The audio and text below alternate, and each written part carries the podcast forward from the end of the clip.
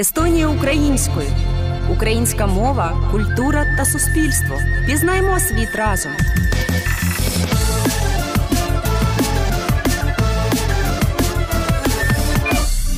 Вітаю вас! Мене звуть Анна Бикова і в ефірі Естонія українською. Новий подкаст Рус Делфі про українську культуру, мову та життя українців.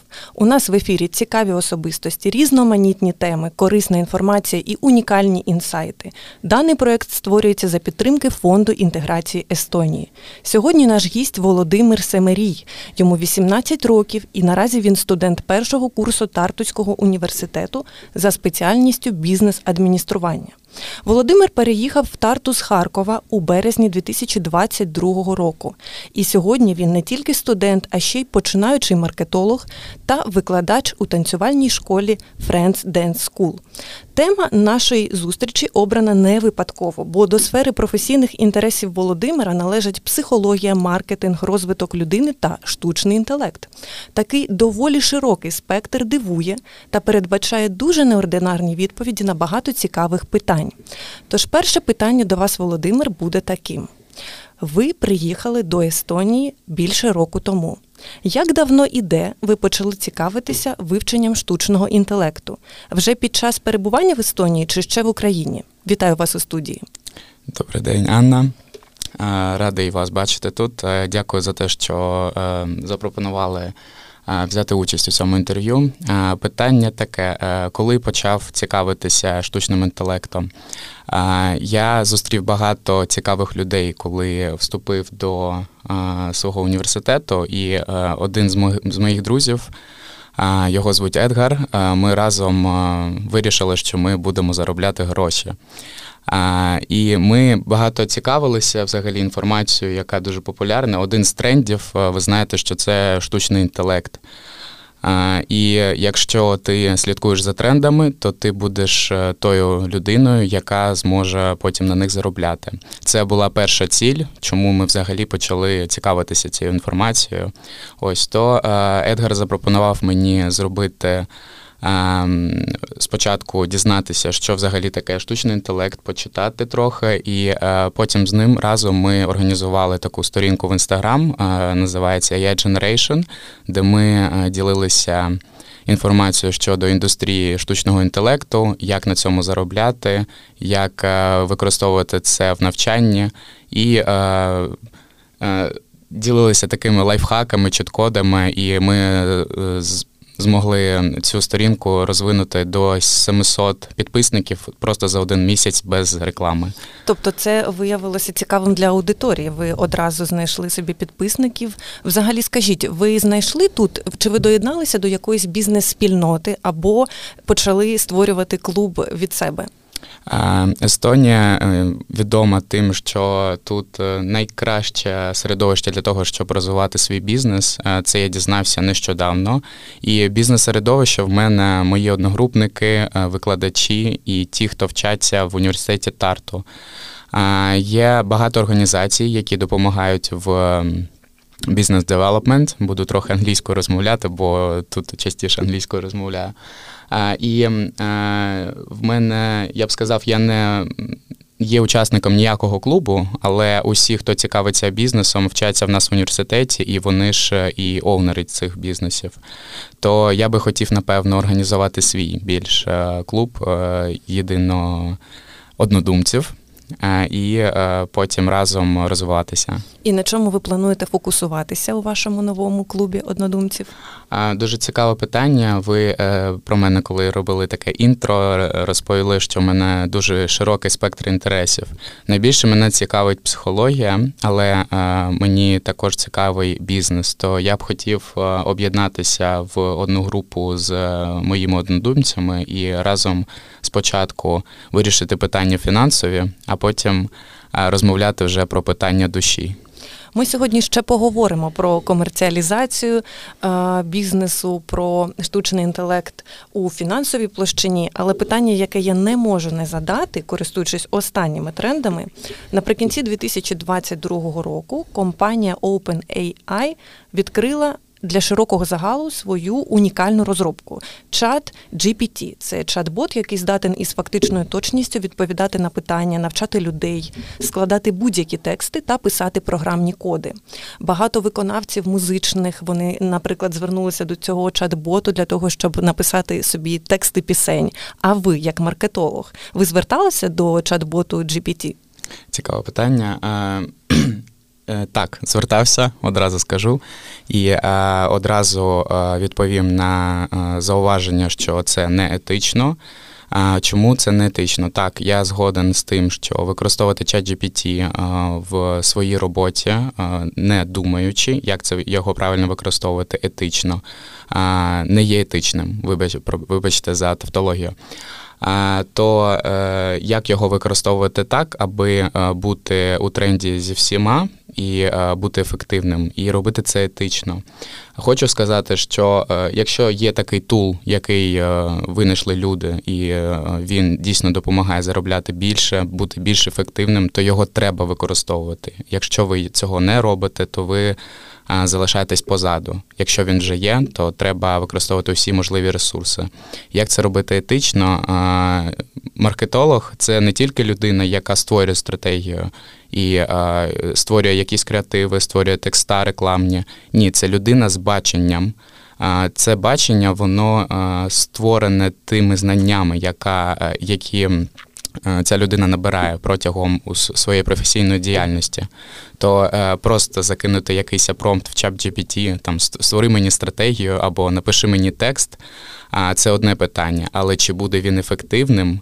Чи буде він дійсно працювати, залежить від маркетолога, який е, за, задав це питання ChatGPT. А яке ж питання задали саме ви? Перше питання моє було: я хотів протестити дійсно цей чат. Десь в жовтні я його задав. Я сказав йому: напиши мені сценарій для ролику, для ролика, який я зможу потім викласти на YouTube про інвестування. Потім він мені написав цей сценарій, і якщо його правильно промптити і тренувати, ми знаємо, що якщо тренувати е, AI, то він буде видавати більш конкретні відповіді. То я йому сказав, е, ми ми разом це з друзями робили. Я йому сказав е, зробити це там у стилі якогось відомого інвестора. Так, і він дійсно, як цей відомий інвестор сказав би, е, зробив такий сценарій. Це дуже цікавий тул. Ну варто зауважити, особливо зважаючи на ваш досвід, що незважаючи на технологічний прорив, далеко не вся світова спільнота підтримала, схвалила цю розробку. І багато експертів називають основним питанням конкуренцію.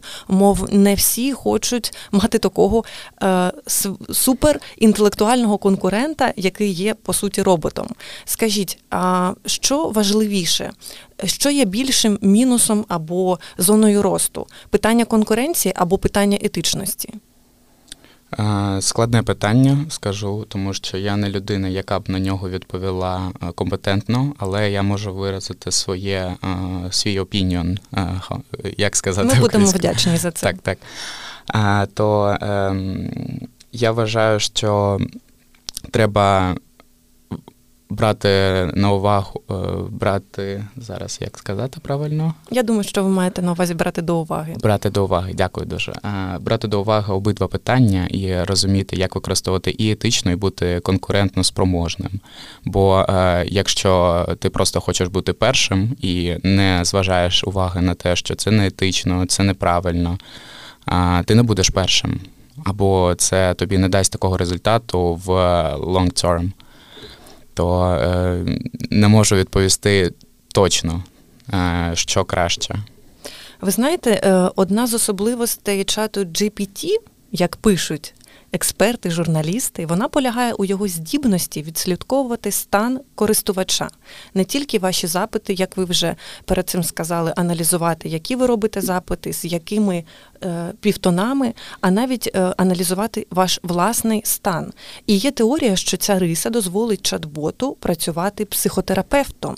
Наскільки це ризиковано? Чи можна довірити своє здоров'я чат-боту? По-перше, треба е, брати до уваги тепер знаю, як казати це. Брати до уваги те, що ChatGPT аналізує інформацію, яка доступна до 2021 року, і вона і чат взагалі цю інформацію збирає ту інформацію, яка була створена людьми.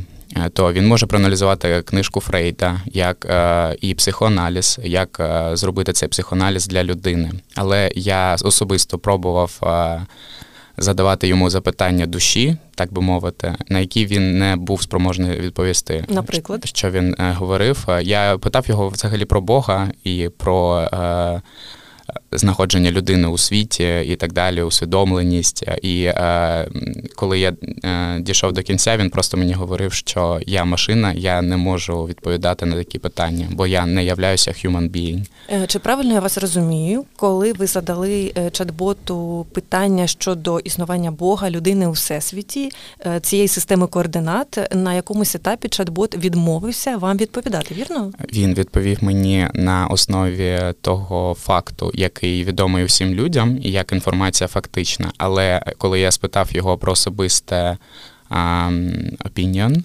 Угу. Особисту думку. Особисту так? думку, дякую, угу. так. Е, то він е, не зміг відповісти. І е, щодо психоаналізу і психотерапії, взагалі, дуже важливий фактор в психотерапії це емпатія, яку має саме людина. ChatGPT, я вважаю, не може бути психоаналітиком. Він може е, діагностувати е, якесь захворювання е, на основі якихось. Факторів, яка сказала людина. Наприклад, NLP – це Neurolinguistic um, програмування. Say? Програмування це одне, і є ще um, Natural Language Processing, це інший термін.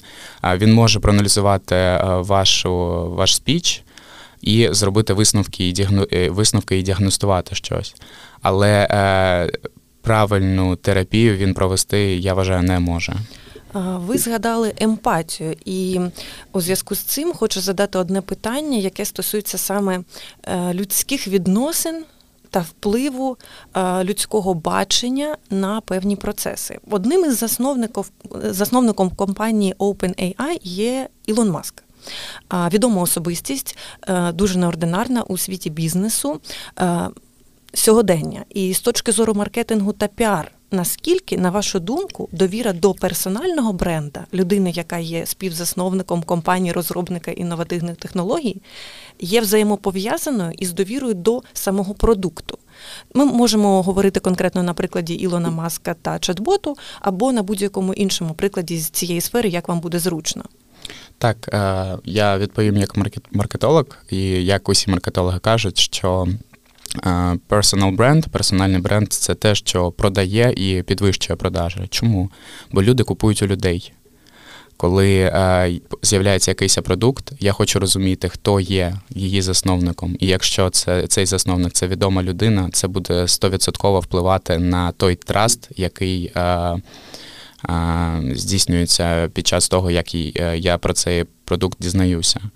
То якщо ця людина відома, я знаю е, навіть якісь психологічні проблеми її, або вона розкрила свій персональний бренд і подалась так, е, аби я зміг їй довіряти. Бо над Ілоном Маском 100% працюють дуже круті маркетологи, і ми бачимо, що і акції Tesla, і OpenAI, вони мають високу вартість тому що персональний бренд самого Ілона і той же Твіттер, так е, Твіттер, наприклад, став більш популярний е, за допомогою Ілона Маска, бо він постійно з'являється на інтерв'ю, він виражає свою точку зору. Люди, багато людей його поважають. Хтось ні, хтось має свою думку щодо нього, але більше часу він має саме позитивні враження. А наскільки це взагалі безпечно робити таке асоціювання і довіряти бренду, зважаючи на людину засновника? Чи це екологічно з точки зору бізнес-довіри? А чому не екологічно? Наприклад, якщо з'являється є компанія Vice, і я знаю, що Крісто Карман її засновник. А якби я не знав, хто її засновник, то я просто ставився до цього продукту. Ну, якась ще одна компанія. Не має тут екологічності. Тут екологічність в тому, чи екологічний твій продукт взагалі. Якщо ти його випускаєш на ринок і кажеш, що це ти, той, хто відповідальний за нього, ти його створив, то і люди тобі будуть довіряти. Якщо ти е, не кажеш, що це ти, або скриваєшся якось, наприклад, напевно, треба зрозуміти, що може там щось не так з цим продуктом. То тут е, треба бути відкритим до людей, бо вони в тебе купують. Якщо таку велику вагу має персональний бренд відомої особистості, відомого бізнесмена, то що робити новичкам? Що робити стартаперам, які ще не мають імені, але вже хочуть презентувати світу свої е, потужні продукти? Дуже цікаве питання, бо е, нещодавно намагався заснувати своє агентство з діджитал-маркетингу, хотів е, допомагати компаніям залучати більше клієнтів, підвищувати продажі, але е, також е, зіткнувся з тим, що є багато відомих компаній, які вже це роблять. І е, дійсно комусь це потрібно, але я не зможу зайти на цей ринок. І багато стартап-фаундерів я знаю, я спілкувався з ними. Найважче це бути тим, хто якусь нову ідею несе у світ. Але порада, що зробити, аби дійсно стати новим юнікорном, як це називається в стартап-світі. Ем, я спілкувався з маркетологом в Тарту, е, і вона підказала мені, що я знаю багато відомих е, молодих людей, які постійно починали з того, що вони волонтерили. Вони постійно е, дивилися, що є е, на ринку, де можна їм допомогти, і де вони будуть корисні. Коли вони щось робили безкоштовно, е, вони свою ідею пічали, може на якомусь івенті, чи вони допомагали якомусь підприємцю. Вони собі. Набирали такий безцінний опит, який досвід, який вони потім використовували би у своїй компанії. І якщо цей засновник е, допустив цю помилку, то вони б її не допустили вже. Тобто робити щось безкоштовно, волонтерити, постійно е, набиратися інформації як якомога більше. Бо я зараз е, думаю, що робити з, з тим же діджитал-маркетингом. Я розумію, що мені треба якомога найбільше досвіду, аби стати успішним. По-друге, якщо це ідея нова. То є Естонія, якраз чому я кажу, що це одна з найкращих країн для розвитку стартапу, бо є багата кількість івентів, які е, допомагають в розвитку стартапу, саме де ти можеш поспілкуватися з інвесторами, ти можеш пропічити свою ідею. Якщо ти правильно її презентував і зробив круто, то до тебе звернеться хтось. Або ти сам повинен е, знайти цю людину, яка б е, тебе підтримувала фінансово в твоєму проєкті. Володимир, ви кажете, що зараз ми знаходимо, ми знаходимося у вері, коли е, люди купують у людей. І по суті, люди купують щось у машин. Чи може трапитися і коли це може трапитися, що машини почнуть купувати у людей? І як це буде?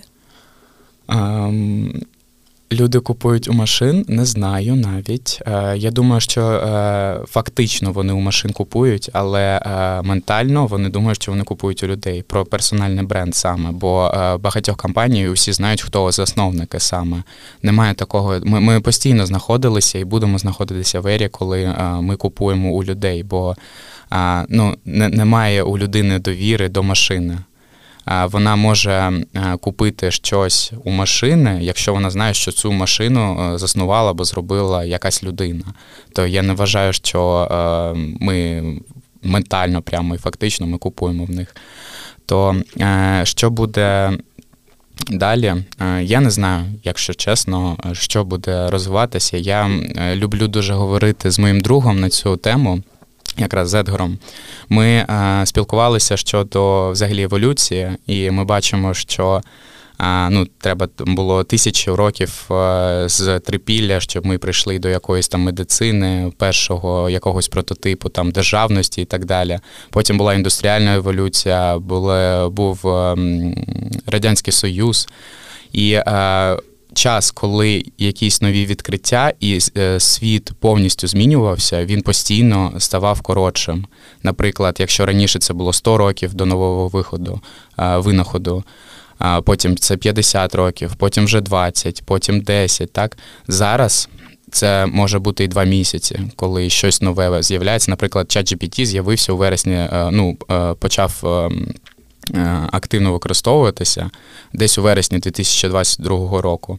Зараз вже його ну, банять, тому що майже всі їм користуються, усі про нього знають, і ми не знаємо дійсно, як е, штучний інтелект і ця індустрія буде розвиватися. Ну, це е, я кажу, я не можу прогнозувати, бо я не є експертом і тою людиною, яка займається саме розробкою.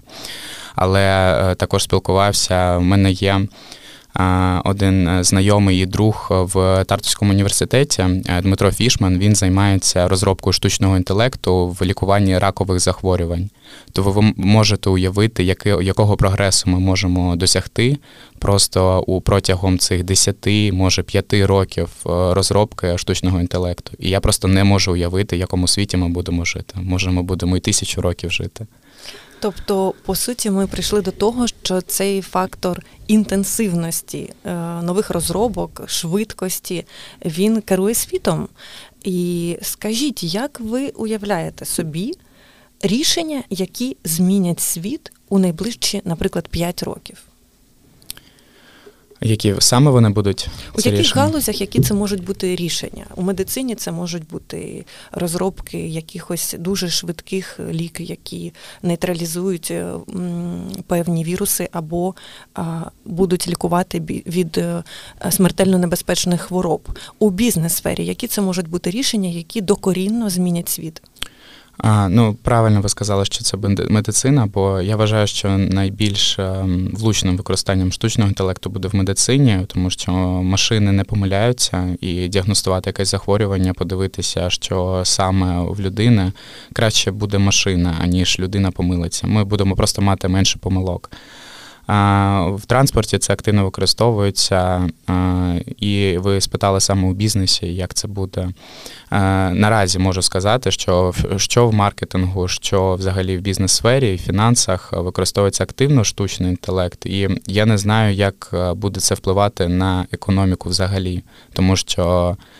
Багато з'явилося вже інструментів, наприклад, генерація картинок, генерація текстів, ем, аналіз е, сторінок, аналіз взагалі і створення цієї стратегії. Просто треба людину, яка б е, сиділа, клацала, це робила і генерувала ці пікчі. Але як і казав, е, маркетолог це людина, яка розуміється на цьому і може все це контролювати.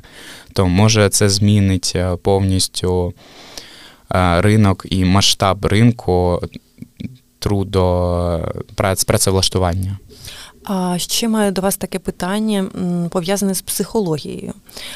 Ви людина, яка цікавиться цією сферою, сферою розвитку людини. По суті, наш виклик сьогодні це синхронізувати спеціалістів, людей високопрофесійних та машини програмне забезпечення, нові чат-боти і все нове, що з'являється на ринку високих технологій. Е, з точки зору психології, наскільки складно е, професіоналам з великим досвідом, зі своїм баченням синхронізувати себе із технічним обладнанням, яке розвивається надінтенсивно швидко? Також е, цікава тема для дискусії. Ми з другом її теж е, обговорювали. Я вважаю, що з активним розвитком технологічним е, саме набирає популярність людські професії. Чому я саме психологією цікавлюся? Бо я постійно спостерігаю, що і у цей індустріальний час, коли е, машини почали розвиватися швидше, ніж людина. Е, зараз вони ще швидше розвиваються, ніж людина. Людина просто може не встигати. Ми можемо дійти до того, що за одну годину машина може обробляти просто усю інформацію у світі, так а людина просто в неї є е, Uh, limits, how to say обмеження. in Ukrainian, обмеження, дякую. так. Uh, обмеження у голові, uh, обмеження мозку, його capabilities, які um, просто у певний час він перестане дійсно цю інформацію отримувати. Просто тому, що ми людини, ми, ми люди. І саме тому дуже важливо не стресувати. І багато психологів дуже каже про е, важливість е, антистресу е, в роботі. Тому я саме цим і цікавлюся, бо це дуже важливо. А який власне антистрес маєте ви? Ви читаєте книжки, ходите до кіно? В кіно дуже рідко ходжу. Книжки, якщо чесно, читав десь півроку тому останню, бо зараз багато роботи почалося. Мені дуже цікаво було усе е, спробувати у житті. Можу себе оправдати з тої точки зору, що якщо ти щось читаєш, ти повинен використати ці знання протягом там е, декількох днів, аби ти дійсно їх вивчив. Бо просто читати немає сенсу. А, Мій антистрес, е, я я би порадив е, медитувати е, і розуміти життя з тої точки зору, що це просто гра, в яку ми всі граємо, і нам самим це подобається. Нам насправді подобається отримувати усі ці негативні емоції, які ми переживаємо. І якщо ми розуміємо, що це просто етап, який ми проходимо, і він нас робить сильнішими, то жити дійсно стає легше. Просто треба пам'ятати про це частіше. І я собі постійно про це нагадую. Ем, я думаю, що ваша думка вона має сенс, коли ми говоримо про звичайне людське буття, але є фактори, які впливають на наш всесвіт, на нашу екологічність нашого життя, на які ми не маємо, на жаль, впливу. І е, тут важливо дійсно фокусуватися на е, чистоті думок, на праці, на взаємодії з іншими людьми. Саме так, те, що ми можемо контролювати. Якщо я не можу контролювати розвиток е, AI, це не я людина, яка вирішує, бо я не можу е, контролювати те, що як мені там е, отримати якусь роботу в успішній компанії, яку я дуже хочу. Я не можу це зараз контролювати, але я можу контролювати свій позитивний настрій і ті речі, які роблю кожен день. Якщо я на цьому концентруюся, стрес у мене мінімум, бо я не думаю про те, що я не можу, на що я не можу впливати. Повернімося ще до теми теми книжок. Чи можете ви порадити нашим слухачам е, кілька книг, які допомогли вам е, знайти нові знання і їх вживати на практиці? Um... Перша книжка, яку мені порадив один підприємець, коли я не знав, навіщо мені взагалі гроші заробляти. У мене була така проблема, е, через це я і ну, не міг заробляти і просуватися далі. Це монах, який продав свій Феррарі. Дуже цікава книжка про те, що дійсно важливо в житті. І коли в тебе правильно розставлені пріоритети, життя тобі дає більше можливостей. А, Також, якщо це про бізнес, про маркетинг, в чому я спеціалізуюся, то біблія маркетингу це Котлер, Fundamentals of Marketing. А, І говорячи про Біблію, до речі, Біблія, тому що її мені здається, її дуже недооцінюють. А я чув, що навіть Аристотель казав, що 36 сюжетів взагалі є у світовій літературі, і усі вони е, є в Біблії, ці 36 сюжетів. Тому е, це книжка, яка вчить тебе життю. То я вважаю, що це перша книжка, яку треба прочитати. Дуже цікава комбінація книжок. Дякую вам. І наостанок е, питання, яке підсумовує нашу бесіду. Яким, на вашу думку, буде світ через 50 років? Якщо чесно, е, навіть не можу собі уявити, бо я казав, що е, з активним таким розвитком технологій і тим, що люди дійсно відстають від цього з усіма трендами, якими з'являються, я не можу уявити, що буде через 50 років. Але е, це буде залежати від е, вибору людей, що в них в пріоритеті у житті. Якщо ми будемо розвивати більш технологічний процес, е, і цей прогрес буде більше, ніж людський, то напевно ми прийдемо до якогось краху в ментальному здоров'ї людей 100% е, з'являться більше якихось ментальних проблем, фізичних 100%. Ми знаємо, що коли винаходили як, якісь ліки від нового захворювання, з'являлося ще 5, це як гідра, яку ти збиваєш, і там ще 5 якихось нових захворювань. Дійсно, це буде розвиватися. Е, я не вважаю, що не треба, е, я не вважаю, що треба зупиняти розвиток там штучного інтелекту прямо сильно, так, так. Е, треба контролювати його, але не зупиняти. Але я вважаю, що треба сфокусуватися, сфокусуватися також на людському здоров'ї, ментальному і людському розвитку. Якщо це буде йти паралельно, то ми прийдемо до е, успішного чогось через 50 років. Володимире, я вам дякую і бажаю прийти до своїх цілей не через 50 років, а сьогодні, завтра і впродовж усієї вашої кар'єри. Я впевнена, що вона буде видатною. У нас в гостях був Володимир Семерій, 18-річний студент Тартуського університету, який приїхав до Естонії рік тому у березні 22-го року.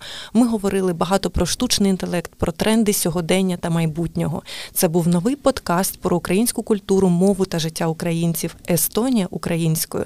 З вами працювала я, Анна Бикова. До нових зустрічей. Естонія українською.